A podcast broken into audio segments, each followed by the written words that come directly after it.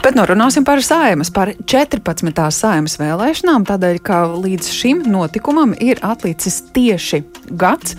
Centrālās vēlēšana komisijas sekretāra Ritvaru Eglāju tādēļ esam aicinājuši pie mūsu tālruņa. Labdien! Labi, pievakaļ.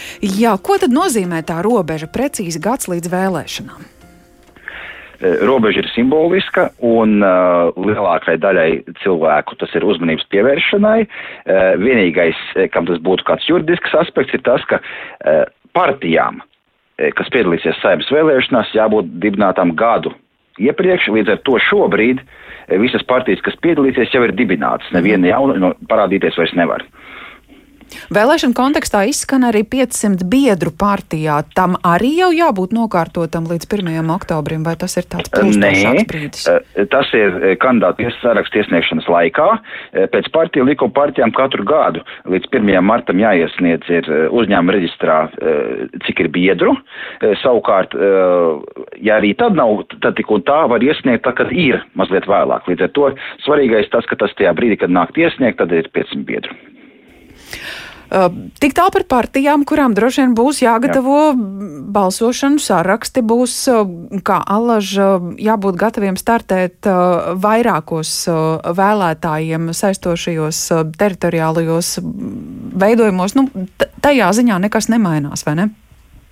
Eh, tajā ziņā nekas nemainās. Eh, Latvijā būs pieci eh, apgabali, kur gan jau kandidātu saraksti tādā ziņā, ka partijas būs vienas tās pašas, savukārt kandidāti būs atšķirīgi, un, bet balsos tāpat kā līdz šim, mhm. jebkurā vēlēšanu iecirknī, jebkurā apgabalā Latvijā iekšzemē vai ārzemēs, kur nu tie būs. Mm -hmm.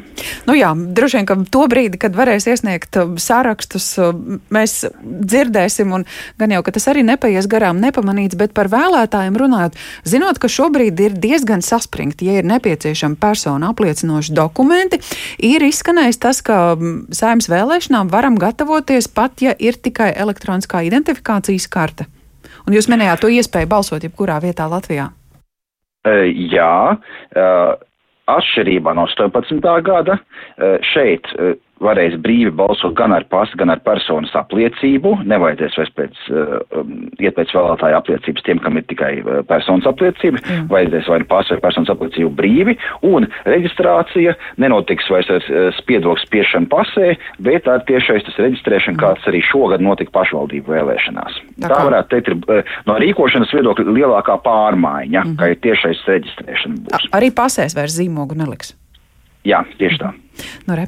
Paldies par šo informāciju Centrālās vēlēšana komisijas sekretāram Ritveram Eglājam. Tā tad it kā simbolisks, taču partijām arī ļoti nozīmīgs brīdis līdz 1. Uh, oktobrim. Tām ir jābūt izveidotām, ja ir vēlme nākamgad startēt saimas vēlēšanās, un tādēļ šobrīd mums arī iespēja paraudzīties uz to politisko spektru, kas uh, ir un varētu būt gatavs piedalīties parlamentu vēlēšanās. Par to savukārt sarunāšos ar Rīgas Stradiņu universitātes docentu politoloģi Lelde Metla Rozentālu pie mūsu tālruņa Kalniņa. Labdien!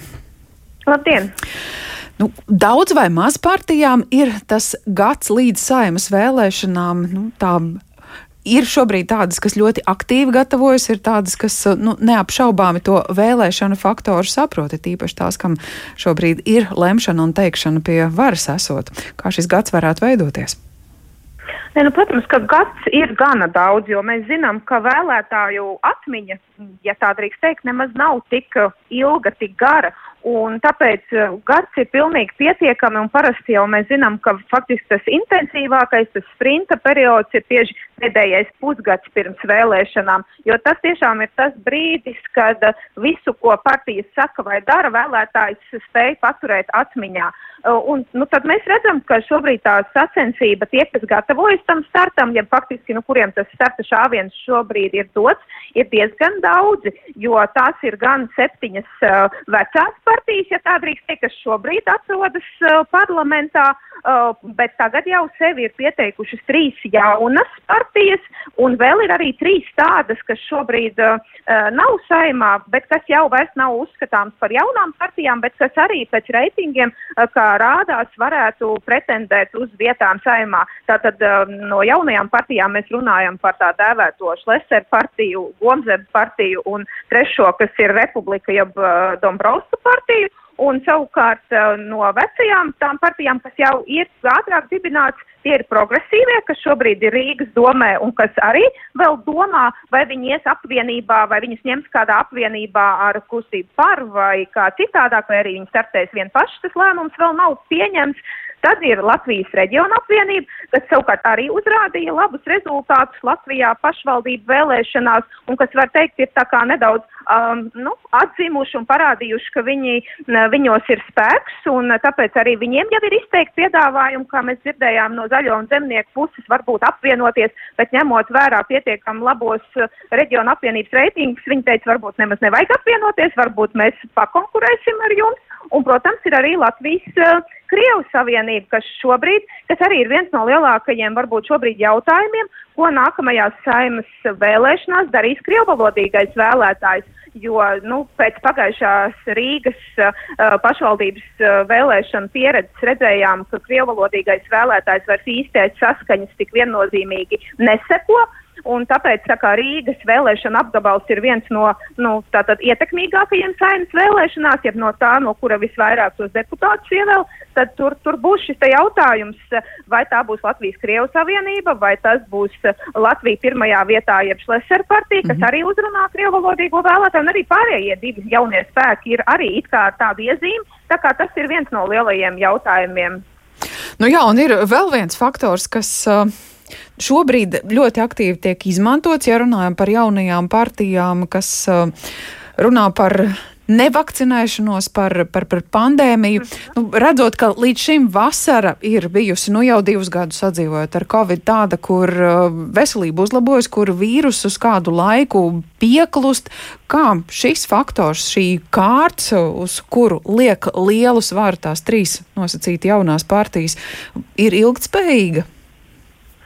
Uh, nu, es domāju, ka tur uh, ir, ja mēs tā salīdzinām vairākas no šīm jaunajām partijām, tad atkal mēs varam redzēt dažādas pieejas. Ir, uh, teiksim, tā dēvētā godzem partija liek tikai uz to vienu kārtu, uz vakcināciju. Tāpat laikā, ja mēs skatāmies nu, uz Dombrovska partiju, tad tur ir citi akcenti. Viņi vairāk ne, no, nekoncentrējas uz vakcinācijas jautājumu, viņi savādāk sev pozicionē, bet š, savukārt Šlesera partija tomēr ņem plašāku to spektru, jo viņi noteikti apzinās, ka vaks ar vienu vakcinācijas jautājumu varbūt varētu arī nepietikt, un tāpēc tur ir gan ekonomika un mazie uzņēmēji, gan kultūras cilvēki un kultūras dažādu nodokļi, kas ir uzlikts kultūras cilvēkiem. Nu, vienmēr sakot, faktiski jau kā dara šīs partijas, ko mēs saucam par populistiskām partijām, viņi meklē tā sauktos krīzes jautājumus, kas tajā brīdī cilvēkiem ir sāpīgās tēmas un par tām tēmām runā, jo tās ir tās, kuras cilvēki grib, lai kāds palīdz viņiem atrisināt. Un tad ir jautājums, vai mūsu šī brīža politiķi pirmkārt šādas tēmas viņiem iedos, piemēram, vai, vai kaut kāda veselības sistēmas pārslodze, eh, kad vairs nevarēs slimnīcās uzņemt cilvēkus, var radīt šādu jaunu tēmu, par ko runāt, vai kāds, eh, nu, teiksim, vakcinācijas procesa organizācija vai kas cits, kādas citas kļūdas, tas varētu būt tās, nu, par, ko š, par ko šīm te populistiskajām partijām uzreiz uh, sākt runāt, un tas viņām ir ļoti laba augsne cilvēku piesaistīšanai. Tā kā es domāju, ka viņi apzinās, ka ar vienu pašu vakcinācijas jautājumu var arī nepietikt, lai gan vēlēšanas ir rudenī, un tad jau atkal uh, iespējams Covid kā sezonāls vīrus būs uh, atkal atgriezies un mm. zināmā mērā pateicīgi. Bet, protams, ka tomēr gudri, uh, nu, teiksim, gudrāki šie te populistiskie spēki izdomā arī citus vēl tos instrumentus, kā kaut vai uzrunāt krievalodīgo vēlētāju un vēl kādu grupu, nu, tātad segmentēt šo risku. -hmm. Lielas paldies par šo komentāru. To saku Rīgas Stradiņu universitātes docente, docentē politoloģi Leldi Metlu Rozentālu arī bijām aicinājuši pie mūsu tālruņa, runājot par jau nākamā gada rudeni. Saimas vēlēšanas tieši gads līdz šim notikumam ir atlicis vēlētājiem, varbūt pārskatot savu dokumentu derīgumu termiņu partijām. Šobrīd tām, kuras gatavojas piedalīties nākamgad vēlēšanās, jau ir jābūt izveidotām.